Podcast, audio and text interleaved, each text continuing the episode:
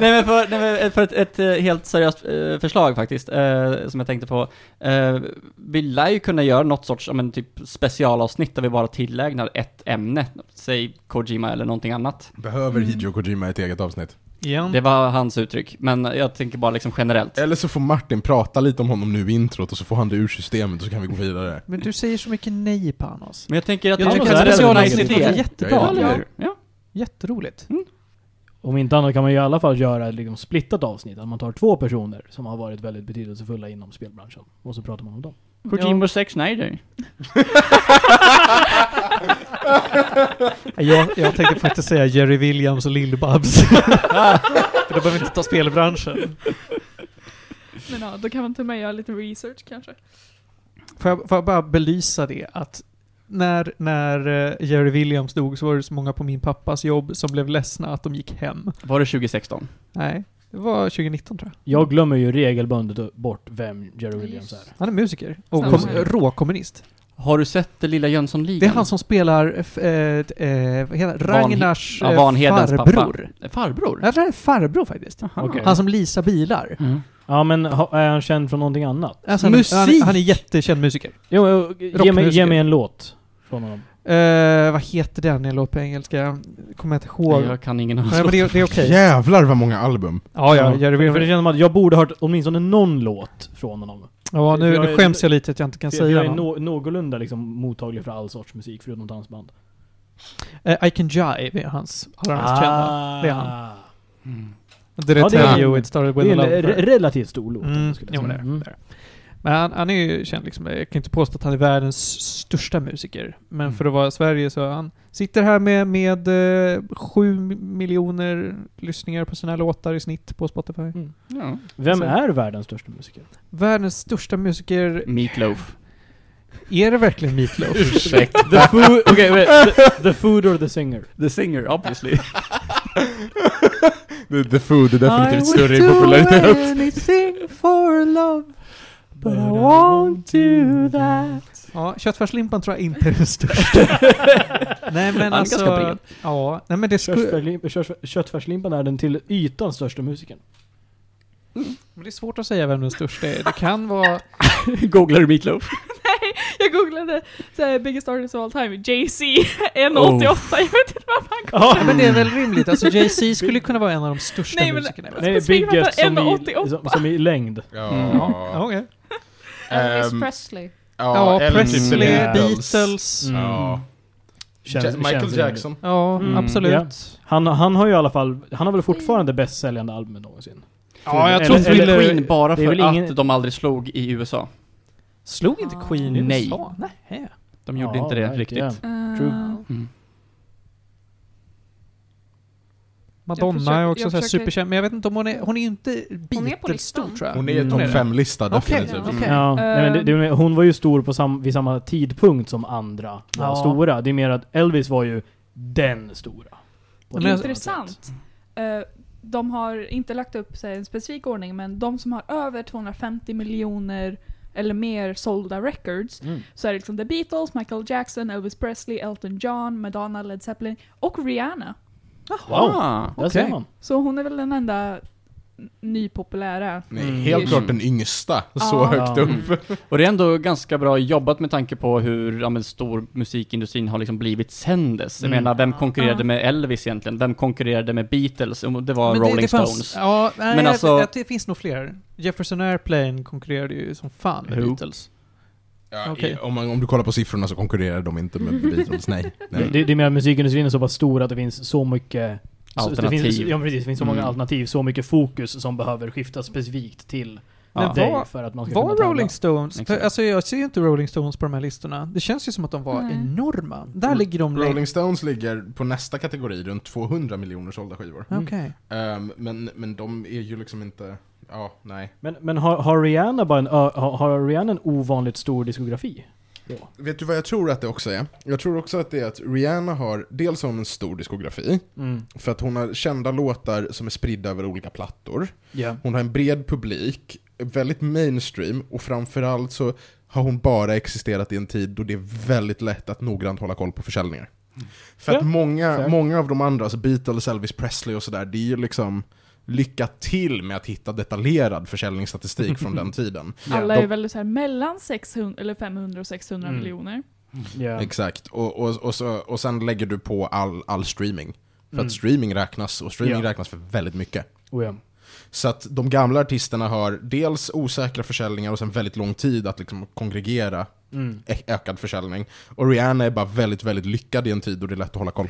Jag tänker mig typ att att Taylor Swift också borde ligga ganska bra till. Ja, hon Det hon. väldigt högt. Hon ligger väldigt högt. Hon Ja. ligger i nästa kategori. Ja, Eminem okej. ligger också högt. Ja, just det. Ja. Ja. Ja, Eh, men det Celine förvånar mig Dion. Mariah Carey.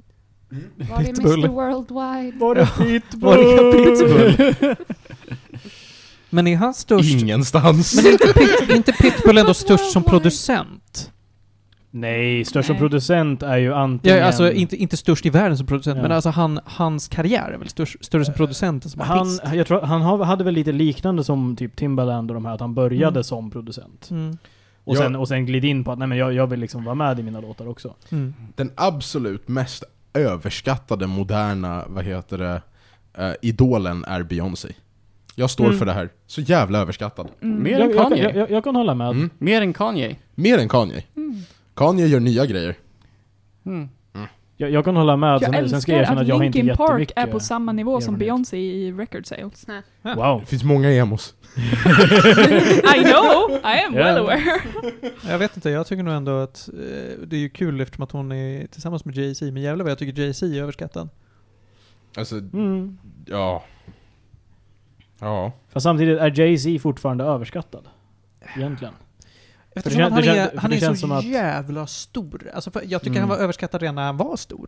För- Jag för jag tycker mer att han är känd för att känd, eller för att vara gift med Beyoncé. Ja, det, ja, men, nej, men, nej, men, Ja, alltså, men nu för tiden. Det känns Ja. faktiskt som att nu för tiden då är det, jaha, Jay-Z, ja men det är Beyoncés man. Det är inte så att han, han är liksom, Beyoncé har ju gått om honom i kändisskap. Men inte i försäljningar. sätt. Nej, jag, jag Nej, ser nej, det men som men, tvärtom. Jay, men alltså. Jay-Z hade ju, har ju haft några år på sig också. Ja.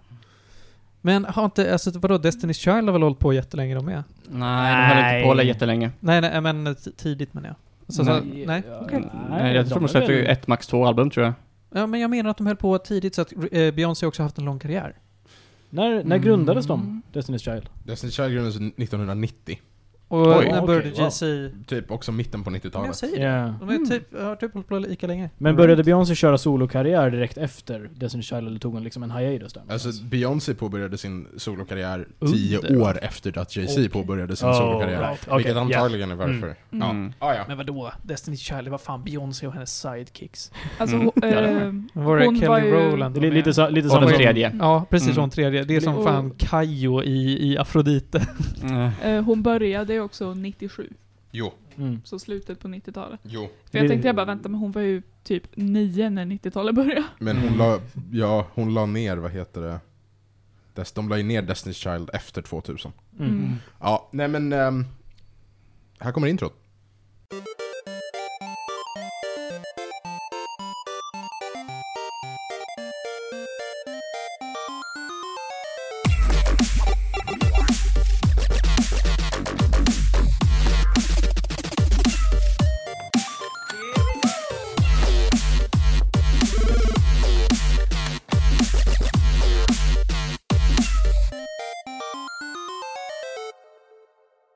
Mina kära, kära vänner. Det är dags för avsnitt 63 av Medis Radio. Världens snällaste och gulligaste och gladaste podcast. Där vi bara pratar om solsken och regnbågar och allt som är sött. Det är som Powerpuff-pinglorna. Det är vi. Med mig i studion så sitter Buttran. Hej! Ludvig Lundberg. Ja, det är jag. Buttran. Johan Käck. Hej! Ronja Budak. Hej. Buttran. och Julia Terstol Backlund. Och jag heter Martin Lindberg och jag är Blomman.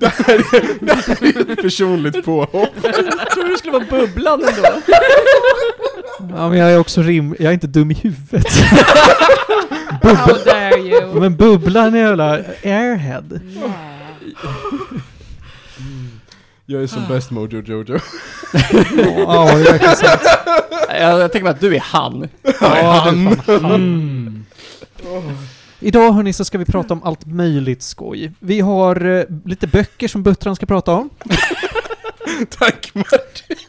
Jag ska prata om Mindfuck-filmen Primer som jag lovade förra veckan.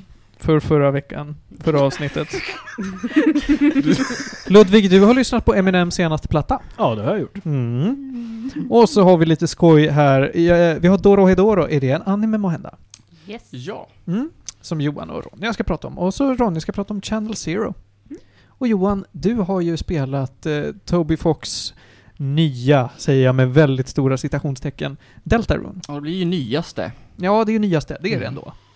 Eh, klart är det inte, men det är okej. Mm. Jag tänker på det. Eh, jag sitter ju fortfarande och väntar på eh, del 3 av To the Moon. Mm. Jag tror jag är den enda i världen som kommer ihåg att To the Moon inte är klart. Det ligger fortfarande i, min, eh, i mitt Steam-bibliotek. Ja, ja, ja, absolut. Men du behöver ju inte spela det först det är klart. eh, Imposter Factory, det kommer någon gång. Jag tror att de, det skulle kommit 2020, men så hände covid och de bara nej, men då gör vi inte det. Mm. Vad vill vi sätta igång med det? Jag vill nästan sätta igång och prata med Eminem. Så pass? Ja, men jag vill nästan det. Ludvig, du ska få, du ska få eh, hålla i talsälen. Åh, var är den någonstans? Där har vi Här. den. Tack så mycket. Sätta ner försiktigt. Ja, eh, Eminem släppte alltså eh, det som han kallar B-sidan. Alltså, si, alltså sida två av sin Music to be murdered by. Eh, den här släpptes helt under radarn, det var ingen, ingen annonsering så vitt jag kunde se i alla fall. Jag fick reda på att den släpptes två veckor efter att den hade släppts. Själv. Och det är väl viktigt att säga, även A-sidan släpptes ganska oväntat Ja, va? han, han bara annonser, han bara typ la upp en tweet och bara ja, här är ett nytt album. Och så fanns det där. Hade inte sagt någonting om det. Men det exploderade ju. Eh, det, var, det var snarare Kamikaze som exploderade. Ja, förlåt. Det är det jag Eh, tänkte på. hans senaste tre album i allmänhet har varit väldigt low key. Han bara ungefär, ja, ah, här är ett nytt album. Mm. Det är rätt Eh. passande att Kamikaze är den som exploderar. Humor. Roligt. Eh, och eh, Kamikaze fick ju generellt ganska, ganska bra betyg och sen så kom Music to be murdered by och folk var lite... Det var lite svajigt. Det var vissa låtar som folk tyckte var väldigt bra och så var det vissa som var lite, lite med. Eh, och nu så har han släppt B-sidan. Och det är riktigt bra. Jag tycker det är riktigt, riktigt bra. Jag har lyssnat igenom hela albumet typ en sex gånger nu tror jag. Eh, och jag började igår. Eller i förrgår tror jag. Eh, och om man bortser från den första låten på den här skivan, som är... Den, det, det är inte en dålig låt så, men den är, den, det är ett tonbryt, för den passar liksom inte riktigt in. Eh, så tycker jag att varje låt på den här skivan är bra. Uh, han, är- det är på många sätt back to form. Han är lite mer, det är lite mer energiskt. Uh, han, han öppnar upp med en, med Alfreds theme, som är ett cirkusbeat. Eh, det låter som en cirkusmusik i bakgrunden och så har han, och så har han lagt ett beat ovanpå det. Någon som står med ett positivt. Ja men precis. Eh, li, lite så. Mm. Eh, och och fe, fem minuter lång bara, rad efter rad. Man, man märker att han, han har kul på den här låten. Och så fö- följer upp det med Tone Deaf, som också är eh, ungefär, ja, jag, jag, hör, jag hör inte vad ni säger, jag är tondöv. Eh, och eh, också, också väldigt lekfullt. Eh, och, sen så fö- och sen följer han upp det med några låtar som är, går lite mer åt det seriösa hållet. Ehm, han har också under, viss, under vissa av de här låtarna så droppar han lite subtila referenser till Snoop Dogg. Vilket sen visar sig i en av de sista låtarna, eh, White... Zeus, just det. Wa- Zeus. Det är, som är, och det är med White God tror jag då som, som han gör den med. Där han då dissar Snoop Dogg. Till synes från ingenstans, så vitt jag vet. Eh, och, det är, och han är även med Dr. Dre i en låt som också dissar Snoop Dogg. Så det verkar vara någonting... Det verkar vara någonting som har hänt där. Och jag, jag har inte läst på någonting om det, men det verkar vara någon slags beef. Och jag vet att Snoop Dogg har svarat på det här, men jag har inte, jag har inte sett det än. Eh, men i allmänhet, det, det känns väldigt mycket som att han kommer, kommer tillbaka till ja, men, första Marshall Mathers och första Slim Shady, att det är liksom det, det är lite mer, lite smågalet. Eh, och han avslutar hela skivan med uh, Discombobulated. Åh. Som han öppnar med ung- någonting i stil med It's time to bring back the accents. Och så kör han, eh, och så börjar han köra i samma stil som typ My name is. Mm. Eh, och den typen av låt. Och det, det är väldigt uppfriskande. Mm. Jag tror att det är den enda låt från den skivan som jag har hört. Ja. Men den kändes fräsch. Eller inte fräsch. Den kändes som Eminem när han är som allra bäst, typ. Ja, nej men den här, det som folk kallar neddrogad Eminem för det mesta. Mm. Men eh, jag, jag är bara i allmänhet imponerad därför att det jag har känt med de tidigare albumen är att ja men det finns en två, tre låtar här som är bra och då lyssnar jag på dem och skippar resten. Det här är första gången på väldigt länge där jag bara, jag lyssnar igenom hela, hela albumet och det är så bra. Cool. Jag är riktigt nöjd. Vill du sätta gäddor på den? Jag skulle säga en stark åtta faktiskt. På det här. Det är bra. Jag, jag har lyssnat lite på det här, jag håller med. Jag tycker att det här är bra material. Jag vill inflika på dramat runt det här. Mm. Det här är alltså i en, i en Breakfast Club-intervju förra sommaren så sa Snoop Dogg specifikt att Eminem inte var bland hans topp 10 rappare. Och så Mm. var han så här: I can live without that shit. Och det, är Oh. därför, eh, det är därför Eminem Mm. slår tillbaka. Ehm, och sen en till kommentar på det där med Dr. Dre, med. Dr. Dre var med om ett hjärnaneurism den 5 januari i år. Mm. Och verkar sjukhusvårdas. Ehm, Men så vitt jag vet så... Eh, han, han klarade sig från det där. Ja, Ja. Alltså, han, han är stabil, eh, som jag Ja. förstod. Han hade lagt ut någon tweet om att ja men jag... På bättringsvägen. Läskigt år är läskigt. Eller Verkligen. börjar läskigt. Mm. En till person som började som producent, som också haft en rapkarriär. Mm. Mm. Fast Dre, Dre är ju på långa vägar mer känd för produktion. Ja. Ja.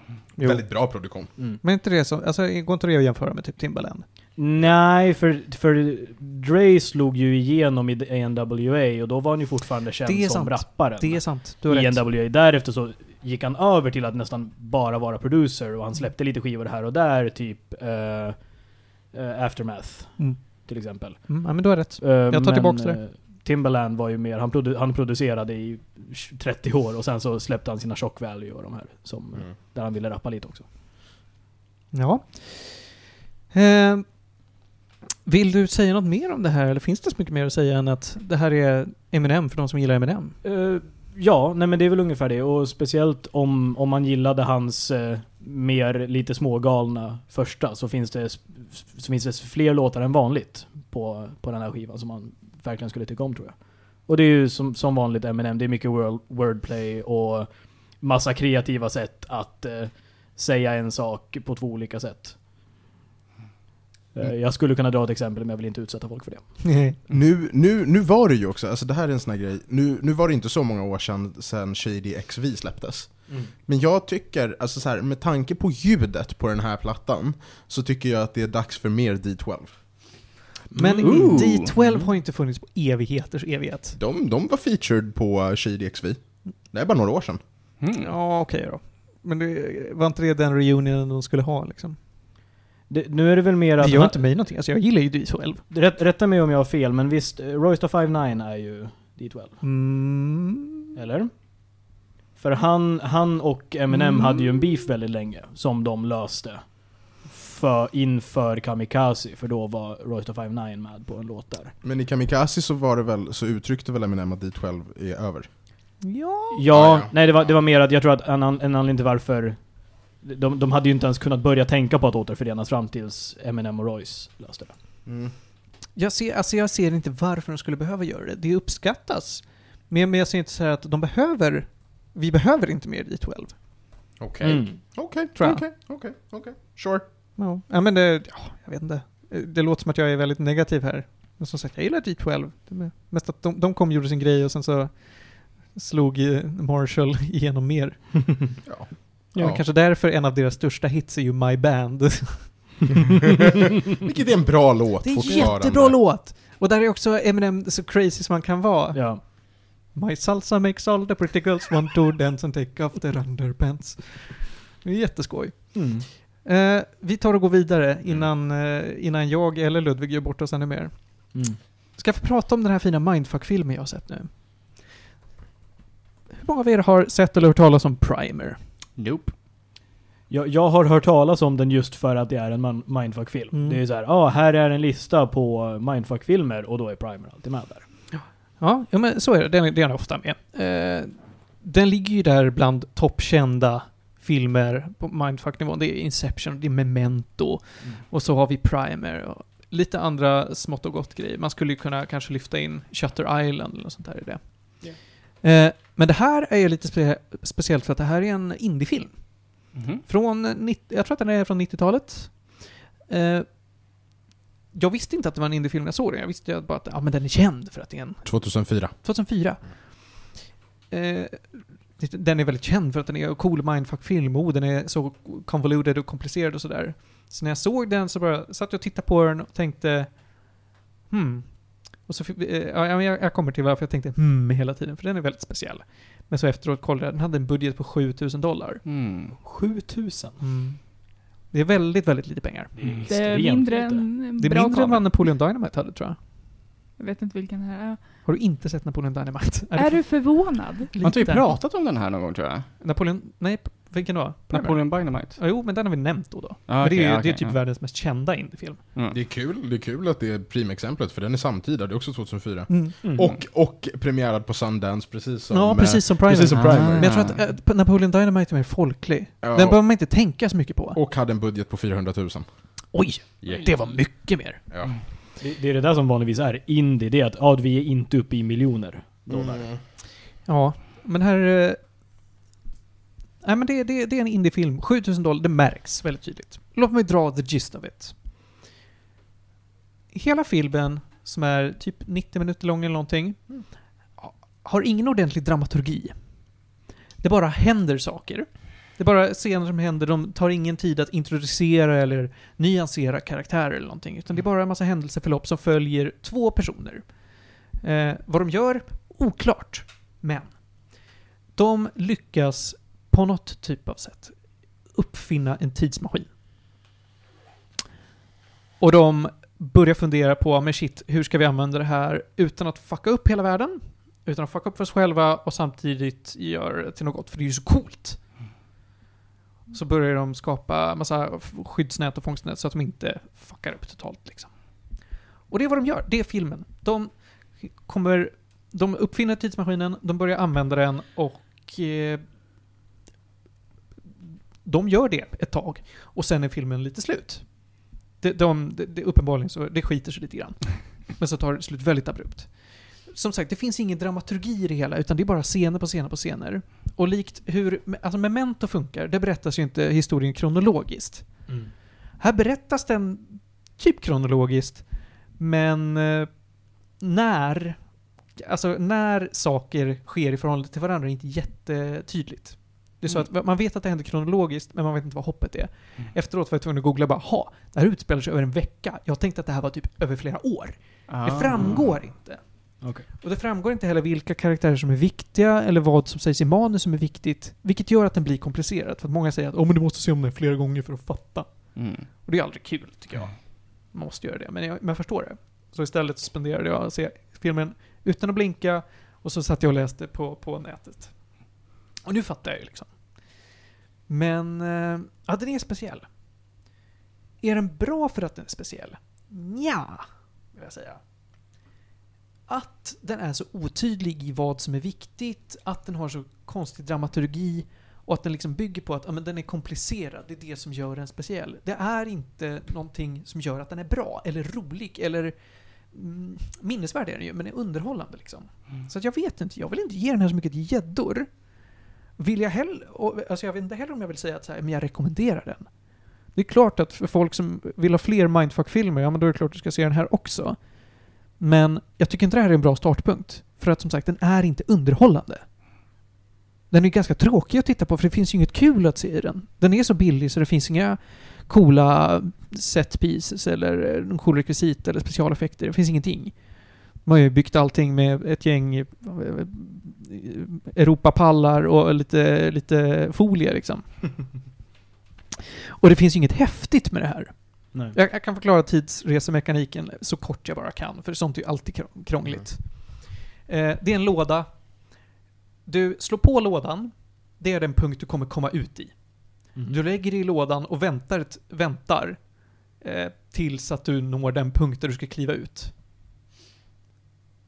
Mm. Då kommer du ut där. Så att så här, vi säger så här.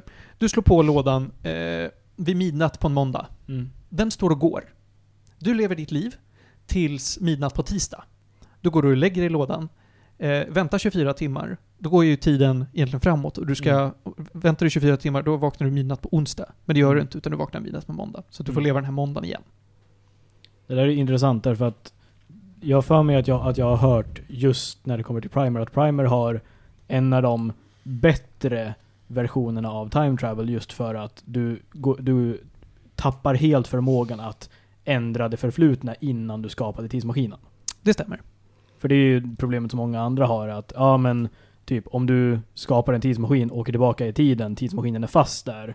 Har du ens kunnat skapa tidsmaskinen då i framtiden? Men i och med att du aldrig kan komma tillbaka innan punkten som tidsmaskinen skapades så slipper de ju det. Men det var väl en stor del av målet med den här filmen? Ja, det var det ju. Mm. Och det blir ju, det blir ju någorlunda konsekvent. Men det är ju så att det är ju inte back to the future att oj, jag ändrar eh, event in the past så att då händer inte de in the future. Du som person är ju konstant, men det kan ju finnas flera du. Mm. Men tiden går ju fortfarande framåt hela tiden. Så att eh, det kommer helt enkelt sluta upp med att det finns en massa olika du. Mm. Någonting som de gör jävligt coolt, det kan jag lägga till som en detalj, det får jag fan spoila, är att eh, de inser efter ett tag, men shit, vi mår inte så bra av att resa i tiden. Vi får börja blöda ur öronen och vi slutar kunna skriva. Och det är ganska coolt, för i precis de första minuterna när de kom på att men det här kanske är en tidsmaskin, jag tror att de mäter eh, molmassan på en liten babusjka. Det är så de kommer på att eh, sönderfallet inte är Mm. konstant, utan det Ah. verkar gå bakåt. Så den får massa istället för att den tappar massa. Mm. Då i alla fall så har de, eh, när de testar det här så lägger de lite grejer på den här tidsmaskinen då, vilket gör att deras händer kommer i kontakt med den. Mm. Så därför de inte kan skriva, för att deras händer är lite bakom resten av kroppen. Men de har bara touchat den, så att det märks inte. Ah. Så den är bara, alltså de är kanske någon eh, så här, hundradel efter. Det är, det är en ganska cool detalj, det Ja. tycker jag. Mm. Annars så... Annars är det inte mycket att hurra för. Det, det, var, det var liksom den goda detaljen och de har löst det ganska konsekvent med tidsresemekaniken. Som Mm. film, De, de drog hem Grand Jury Prize på Sundance 2004. ja absolut. Absolut. Det, det är rätt imponerande. Ja men visst är det det. det. Alltså den är ju som sagt, den är väldigt svår, den är väldigt väl genomtänkt från en indiefilm. Mm. Men jag tycker inte att den är underhållande. Nej. Det, det, det är bara det jag kritiserar den för. Mm. Så därför så ger jag den kanske 6,5 av 10.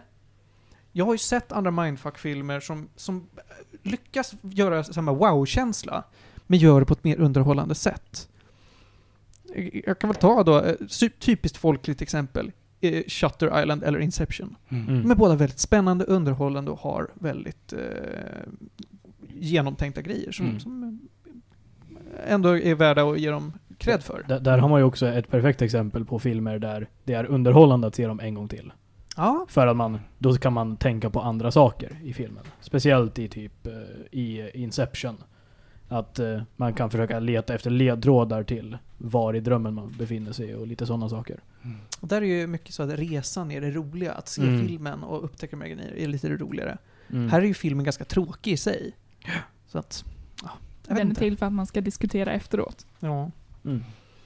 ja, jag vet inte. Det, det, det, jag, gillar, jag gillar den inte överdrivet mycket, men det är på samma sätt som jag tycker att Paprika är en väldigt, väldigt cool film. Men den är inte så underhållande för att den är för mindfucky. Den är för svår att förstå, men den är väldigt cool att titta på. Eller typ, eh, åh vad heter den?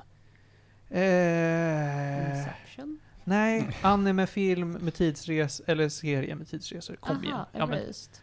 vad sa du? Erased. Nej, Nej. Johan, du vet. Fate Zero? Nej, du vet. Jag Jo- vet säkert. Du Nej vet men precis Your vad Name. heter. Nej, nej. Erased? Nej! Men det är... Eh, da. Jaha, ja såklart, såklart, såklart. Uh, Steins Gate. Steins Gate, tack. Ah. Steins Gate. Den tycker jag också, så här, den gränsar till att den är, är mer cool än vad den är underhållande. Men, men jag tycker ändå den lyckas vara, vara nog underhållande. Ja, för den har jag hört det så här, den gör det underhållande och det är deras grej typ.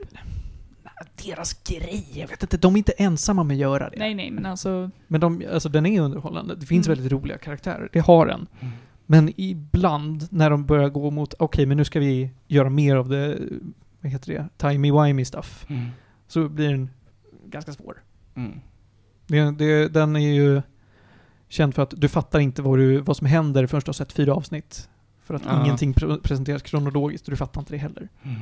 Jag tycker fortfarande att det bästa exemplet egentligen är Interstellar. Interstellar Mm. är liksom underhållande under tiden, och sen landar du på slutet och bara oh fuck, det var massa fysik inblandad. Ja. Det kan hända att jag behöver se om den, för jag tyckte inte den var så, alltså jag tycker att den är ganska linjär. Den är linjär, men det är om man vet, om man, om man i förväg anar vad det kommer vara för fysik, Mm. då har man Mm. kommit en bra bit i filmen utan att behöva Mm. titta på den. Mm. Men, eh, men jag vet att för den allmänna publiken så var det verkligen så här: hmm, space travel, mm, space travel, mm, oh physics god damn it! Och så Mina gick alla föräldrar- därifrån och bara hjälp, Mina föräldrar gillar den inte av den anledningen. Jag bara oh. fysik! Jag ska inte dra mer tid åt att prata om Interstellar eller Primer, men som sagt, för den som gillar mindfuck-filmer finns bättre, men se den här, absolut. Mm. Eh, vi går vidare och jag tycker vi ska prata lite om anime när vi ändå touchat på det. Ska Mm. vi ta Doro Edoro? Oh. kan vi göra. Vad är detta för något spännande? Det har stått på vår eh, agenda ganska länge. Mm. Ja, Dorohedoro är en eh, manga eh, skapad av en väldigt eh, talented artist som uh, ritar väldigt mycket detaljer och väldigt mycket gory stuff. Och uh, den här serien handlar då om uh, en, en värld där det finns typ magiker, trollkarlar och de använder någon slags magi som skickar ut eh, svart sot, typ. Och det sker på lite olika sätt beroende från trollkarl till trollkarl. Men generellt sett så är de som faktiskt kan använda magi, de bor eh, eh, lite högre upp i den här världen och de har det fint och som ett vanligt samhälle. Sen finns det de som inte kan använda magi och de bor lite i undervärlden och ofta så kommer trollkarlar dit för att testa sin magi på dem. Och, eh, Den staden kallas till och med för Hålet. Mm. Bara allmänt känt. det finns något avsnitt, Maidenebus. Mm. Uff. något avsnitt då är det någon som har då är det trollkarlar som ska infiltrera Hole och så har de t-shirts där det står I love Hole. Mm. Och en grej med alla magiker är att de också har masker på sig. Vilket man inte riktigt är säker på riktigt varför det är så, men det är en grej liksom i deras värld att ja, man har masker på sig och ju högre ställd man är desto typ bättre masker har man egentligen. Eh, och de får sina krafter egentligen från demoner. Eh, Djävular, basically. Ja, djävlar faktiskt till och med. Eh, och vi, vi följer egentligen eh, två karaktärer, jag kommer inte ihåg vad de heter bara för det. Det är inte jag heller nu för Men att du sa det där. eh, ja, precis. Eh, nej men det är en eh, snubbe som har ett, eh, vad, vad ska man säga, typ dinosaurie... Just det, kajman. Kajman heter han, just Mm. det. eh, vad sa du? Kajmanhuvud? Ja, det är Ja, en- Kaiman är ju en, en, eh, en ödla. Yes. Ah, det visste jag faktiskt inte. Det gör allting väldigt eh, logiskt. Han har ett kajmanhuvud i alla fall. Eh, och eh, han har en partner som heter, ja en tjej i alla rosa fall. lady. Komodo. Precis. Eh, nej men så de, eh, ja men, de är polare helt enkelt, men hela grejen går ut på, som, och det är bara att slängs man in i, och det är att han Kaiman, de slåss mot två snubbar och han bara stoppar in en snubbe i sin mun. Varpå man får se den här sekvensen då med snubben i munnen och det dyker upp en till snubbe ur halsen på Kaiman. Som bara säger, det är inte du. Och liksom försvinner där. Och Kaiman drar ut frågar, vad sa snubben i mig? och snubben bara, det var inte jag. Och ja, Och så dödade han snubben. yes. Jag sökte på Nu Dorohedoro visar för vi- att ta upp liksom exempel på Mm. Ja. manga Julia visar just nu en, vi- ett, en bild från mangan på just det här när han stoppar in en Ja. snubbe i munnen. Precis. Ja. Så hela grejen är då att Kaiman har tappat sina, han har, han har Tappat total amnesia, precis. Eh, och den enda ledtråd till att ta reda på vem han är, är att Stoppa försöka stoppa in munnen. folk i munnen. Därför att han, eh, hans gissning är att eh, eh, eh, den som, kom, den som eh, har gjort det här mot honom, det är en person som kommer bli identifierad av eh, den i munnen. Men Varför måste han döda de som inte är den personen? Det känns Därför att de är trollkarlar. trollkarlar. Mm. Ah, Okej, så han bara hatar trollkarlar i allmänhet. Men vadå, var Ja. inte den här Kaiman trollkarl själv? Nej. Eller det vet vi i och för sig inte. Det kanske han är. Men vadå, det, det är ändå, Alla det är en som person... bor i hålet kan inte använda magi. Och eh, då kommer basically trollkarlar typ mörda dem och gör jättefucked up experiment. De experimenterar alltså. De kommer dit för att experimentera med sin magi på folk som bor i hålet. Bara för att de är lägre stående. Så har Kaiman alltså blivit experimenterad på? För han är ju en vanlig snubbe med ett det ödlehuvud. är Ja. det man misstänker. Mm. Okej, ja men då är jag med. Är det en skräck-anime slash manga, eller är det någon adventure, mystery, Inte mystery skräck. känns det ju. Nej. Men det är rätt så gory ibland. Mm. Eller Lite som Tokyo Ghoul. Mm. För den är ju inte skräck per se. Den kan jag också prata om någon gång, för den har jag börjat titta på också. Gillar du den? Jag gillade inte den. Den Nej, räknas som inte- action dark ja. fantasy. Jag gillar den. Ja, Ja. action, dark fantasy. Det, det låter... Science fiction också. Mm. Ja. Därför att det, egentligen så är det hela plotten egentligen, att ja, men, de ska ta reda på ja, men, vem det är som har gjort det där mot, mot honom. Eh, Medan, men, samtidigt som de bor i the hole liksom. Samtidigt så får man ju också lära sig men, vad hela magikervärlden egentligen går ut på. De har en hel ja, men, samhällsstruktur liksom på ja, men, högre, lägre stående eh, magiker egentligen. Och det är en, ändå ganska flummig ändå, därför att en av de ganska högre stående eh, magikerna är att han gör folk till svamp. All och han hans är- magi är svamp. Ja, all hans magi är svamp. Och det enda han äter är svamp. Vilket Han- också är en grej, Han äter svamp som brukade vara människor. Så, framförallt. så, så, Här så lät liksom det low, kul. low-key kannibal med andra ord. Men de, är- Eh, de beror är ju på hur man svamp ser. ja. Jo, men han ville exklusivt äta de som har varit människor tidigare, så det är väl såhär... Nej, han är inte wasteful bara. Mm. Ah, Okej, så det, ah, jag har ändå gjort dem till svampar, well. Exakt. Okej. Det är såhär freegan, typ. Mm. Ingen aning. Vegan, men om det är gratis så let's Aha, not okej, waste aldrig it. talat Som om sån som faktiskt. heter Roadkill typ. Ja, eller dumpster dive och sånt. Mm. Mm. Eh, nej men så, eh, så egentligen, den kraften är ju väldigt dum i sig. Men han är bara så pass stark så att bara göra allting till svamp, det bara gör hela grejen. Så alla har egentligen sin egna nischade magikergrej. Men om han vet att det han gör är att göra folk till svamp, varför behöver han experimentera? Han behöver inte experimentera. Han bara vill göra folk till svamp. Är han Ja, han, är, han är lite högre upp i strukturen. Så han är inte en av de där som åker dit och experimenterar. Utan det är mer de som eh, ja, men, försöker komma upp i världen lite mera. Okej. Eh, Den uppfattningen man får i alla fall, som jag får. Mm. Men vad har han för motiv för att göra folk till svamp? Nej men det är ju bara folk som eh, typ vill motsätta sig honom. Ja, okej, då är jag med. Alla Ah, så, så trollkarlar. han gör andra magiker till svamp också? Mm. Ja. Ah, okej. Så det finns lite power struggles. Eh, och det, det, jag, jag tycker den här serien är väldigt, väldigt rolig bara för att den är, ja men, den har liksom sina roliga moments, men den är också seriös, men, den, och, men på ett bra sätt. Mm. Eh, så att det, det är också lite grann det här som, eh, men du pratade lite om primer, saker händer lite grann bara, men man följer ändå med i en sorts story samtidigt som du har eh, den här eh, ja, men underliggande plotten egentligen. Mm. Eh, har du läst mangan någonting? Nej. Okej, för jag började läsa mangan innan animen kom ut Mm. och kom rätt långt på det. Men eh, det jag gillar väldigt mycket är att eh, alla karaktärer är typ kopplade på något sätt och det är väldigt många karaktärer man får följa här. Det är bland annat några stycken nere i Hull och sen så är det några uppe i trollkarlsvärlden och hur deras vägar korsas och hur de har korsats tidigare. Och sen så finns det en hel eh, annan samhällsstruktur uppe i trollkarlsvärlden. Där slåss trollkarlar väldigt ofta också med varandra. Och en gång om året så ska man försöka hitta en trollkarlspartner. Och det är inte helt consensual hela tiden. Då kan folk bara kidnappa någon och sen så river de ut deras själskontrakt. Som är i ryggmärgen eller någonting. Och tvingar dem att skriva på och grejer.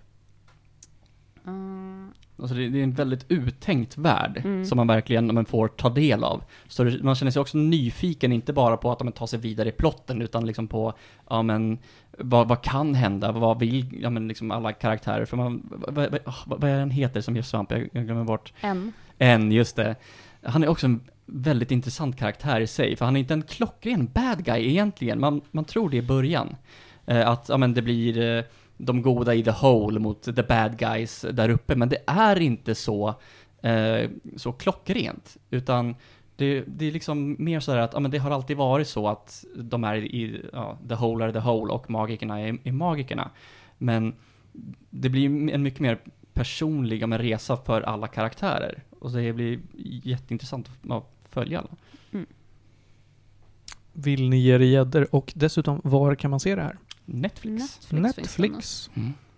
Eh, det här är garanterat en av de bättre anime som jag sett. Eh, Jag var lite besviken på stilen i animen. För jag hoppades så jävla mycket att det inte skulle vara CGI. mm. För då skulle det varit så jävla fint med hennes stil och animeringen. Men nu Mm. vart det... Det blir lite det som man tappar när man gör CGI i anime. Uh, all movement är inte jättecoolt. Mm. Och det blir lite så här hackiga rörelser och lite cheaper.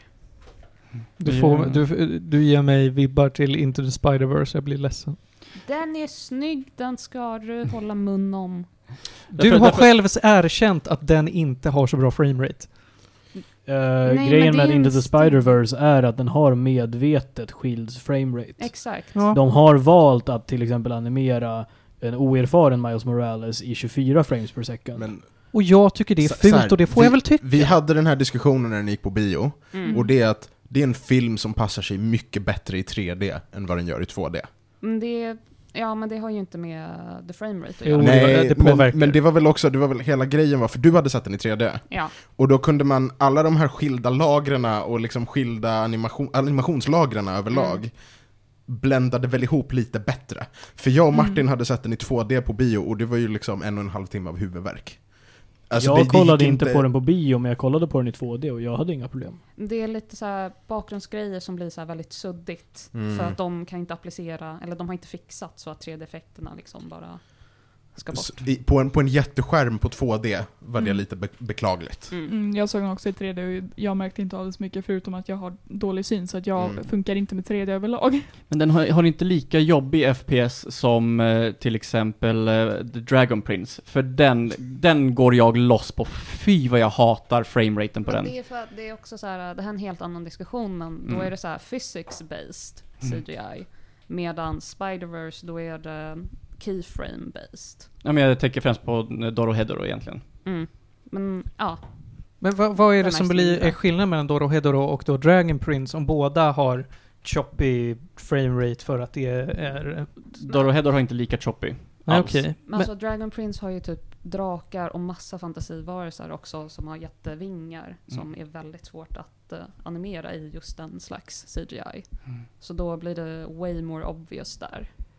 Sen så verkar ju ändå som att de försöker likna det vid vanlig 2D-animation. Jag ser på bara stillframes från Mm. serien. Det ser ut mer målat ut än vad CGI som Ruby eller eh, Dragon Prince verkar vara. För den Mm. känns mer CGI än vad de här stillframes ser ut. Det kanske är animationen i sig själv som är mer CGI Kan vara. i Dorohedoro. Nu hade de ju också en hel manga att ta sig efter så då Mm. blir det ju mer, eh, eller lättare att göra stilen lite coolare kanske. men om vi jämför med choppiness i Into the Spider-Verse, är det lättare att titta på det här? Jag vill inte jämföra med Spider-Verse för jag upplever den inte som choppy. Okej. Då vet jag inte vem jag kan fråga. Alltså, det, det är inte så mycket choppiness. Det är lätt att bortse från det när man ser på serien. Basically. Ja, Mm. det är typ det. Gäddor. Ja, mm, jag skulle nog lätt kunna ge den åtta alltså. Åtta. Mm. Det är väldigt bra det med. Mycket positivitet här. Jag, jag vill ge mangan också typ 9 eller 10. Oj. Ärligt talat. För den Oh. är väldigt bra. Väldigt snygg och jag eh, ser väldigt mycket upp till eh, den här artisten. Är mangan avslutad? Mm, där är den. Ah, Är den är an- det! Är animen avslutad? Eh, Nej. nej, Den kom ut f- förra året, oktober Mm. typ. tror det. Och eh, då, då kom den inte så jättelångt på storyn. Men det var så här tillräckligt mycket för att man skulle vara typ okej, det är någonting mer som Mm. händer här som man vill veta om. Är det 10 avsnitt? 14? 26? 14? Oh, Tror jag. Nej, det måste vara fler, 16? tänker jag mig. Jag tror nästan att det är uppåt en 20, för det, det, är så mycket, det är så mycket som händer, känner jag. Men det Kanske kanske bara går borde fort. vara... Nikaido heter hans kompis. Nikaido, just det. Hon äger en gyoza-shop. Mm. Som, och han älskar gyoza så han kommer dit ja, men, hela Ja, tiden. men vem älskar inte gyoza? Gyoza är väldigt jättegott. gott. Mm. Okej, Doro Hedoro finns alltså på Netflix. Och mangan finns där man köper manga. Yes. Ja, kanske inte i Sverige. Jodå. Det finns Finns. ju science fiction-bokhandeln. De tar, de tar in fortfarande grejer. Ja, Mm, det ja. finns ibland. Jäklar, jag trodde de hade droppat det där nästan helt. Det måste väl finnas andra ställen man kan köpa manga i Sverige. Comic 7. Ja. Ja, typ. 12 avsnitt finns. 12 12 avsnitt. okej. Nu, Panos, tycker jag att du ska få prata lite om böcker. Åh, du, nej. Har, du har läst lite fantasy under hösten nu. Jag läser alltid lite fantasy. Oavsett om du hinner eller inte. Ja. Gör du det här på, på någon typ av läsplatta? Ja, För jag läs- ser dig aldrig med en bok. på en, på en Kindle eller på mobilen. Mm. Jag läser bara digitalt. Mm. Ehm, jag har läst tre nämnvärda grejer. Och vi kan börja med äldst först. Eh, jag har läst två böcker av Naomi Novik. Jag har pratat om Naomi Novik förut. Ja. Eh, hon är känd för sin extremt bra serie ehm, His Majesty's Dragon. eh, som handlar om de napoleonska krigen i, en alt, i ett alternativt universum där drakar existerar. Nio böcker, eh, riktig vuxen fantasy, läsvärt. Korta böcker, bra, alltså riktigt bra. Hon är en riktig kultur och historienörd. Korta som här mindre än 300 sidor. 300 sidor vet jag inte om all, alla är nog inte mindre än 300 sidor. Okej. Men man blåser igenom varje bok rätt snabbt. Eh, Det är liksom ingen epic fantasy. Det, det är inte tolken svårt att läsa. Så Nej. att man måste ta ett tag på sig. Nej, nej, nej, absolut inte. Utan det, det, eh, hon, hon gör en sån här grej som många andra författare inte gör. Där om någonting spännande inte händer på ett par veckor in book time, då skippar hon bara den tiden. Ehm, och sen har hon gått vidare från Temeraire till att skriva Young Adult. Ehm, och Spinning Silver släpptes i 2018, men jag var ganska sen med att läsa den. Spinning Silver är hennes take på myten om Rumpelstiltskin. Hmm. Det är, hon, hon, gör, hon gör en sån här grej, både Uprooted innan dess och Spinning Silver är väldigt mycket östeuropeisk mytologi, vilket hon är skitbra på, för att vad jag vet har hon familjeanknytelser. Jag tror, jag tror hennes ena förälder är polsk och hennes andra är lituansk jude eller vad det är. Mm. Så att hon har liksom väldigt personlig anknytning till den mytologin. Och eh, Spinning Silver gör det superbra. Och den är, den, den är lite seg i början. Man läser den, det tar ett tag att sympatisera med huvudkaraktären, ehm, men sen blir den ganska brant liksom backe. Man rullar bara ner för. Är det bara en bok då? Det är en bok. En bok, okej. Det är en bok och den är standalone. Eh, så att om man kan ta sig igenom första tredjedelen och tänka det finns en payoff, då blir den extremt bra. Den blir liksom en page-turner efter en bit. Um, sjukt bra bok. Och som sagt, jag gillar hela det här konceptet med Eh, modern retelling av, av liksom myter. För att det ger de här författarna en möjlighet att tillämpa liksom riktiga logiska magisystem och, och alltså göra något smart av berättelser vi bara tagit för givet. Eh, jag tycker om det.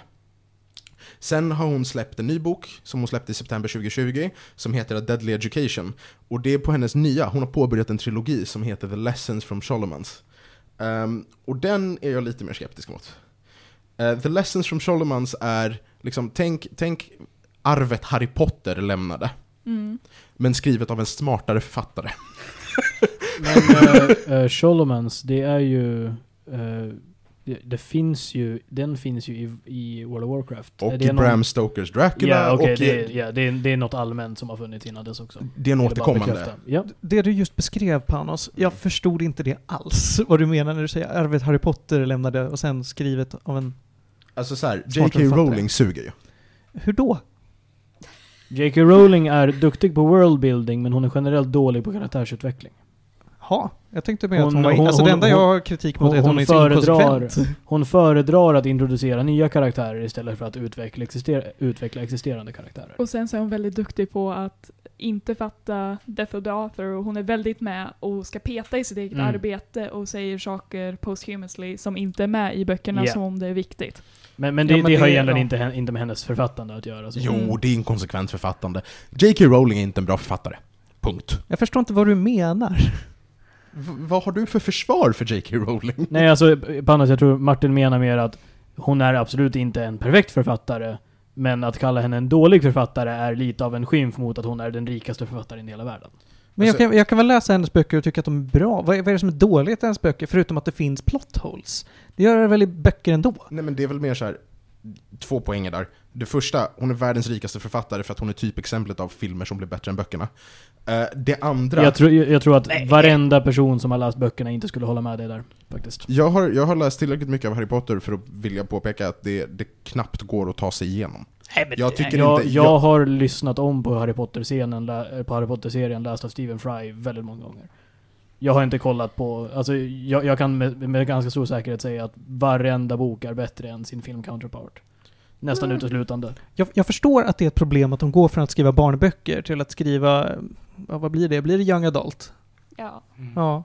Mm. Och det kanske inte är det bästa. Jag säger inte att hon är världens bästa författare, men jag tycker inte att hon är dålig för det. Hon bygger upp en intressant värld, hon läm- får lite plot holes. Vi, vi går vidare, för Men- det här är helt klart en fråga om personlig preferens. Absolut. Men vad, är- vad är det du menar när du säger arvet? Jag, jag, menar, jag menar att Novi Novik är, Novi Novik är bättre på att integre- alltså bättre på att liksom fact-checka och kolla upp kulturella och historiska perspektiv. Hon är mycket bättre med språket.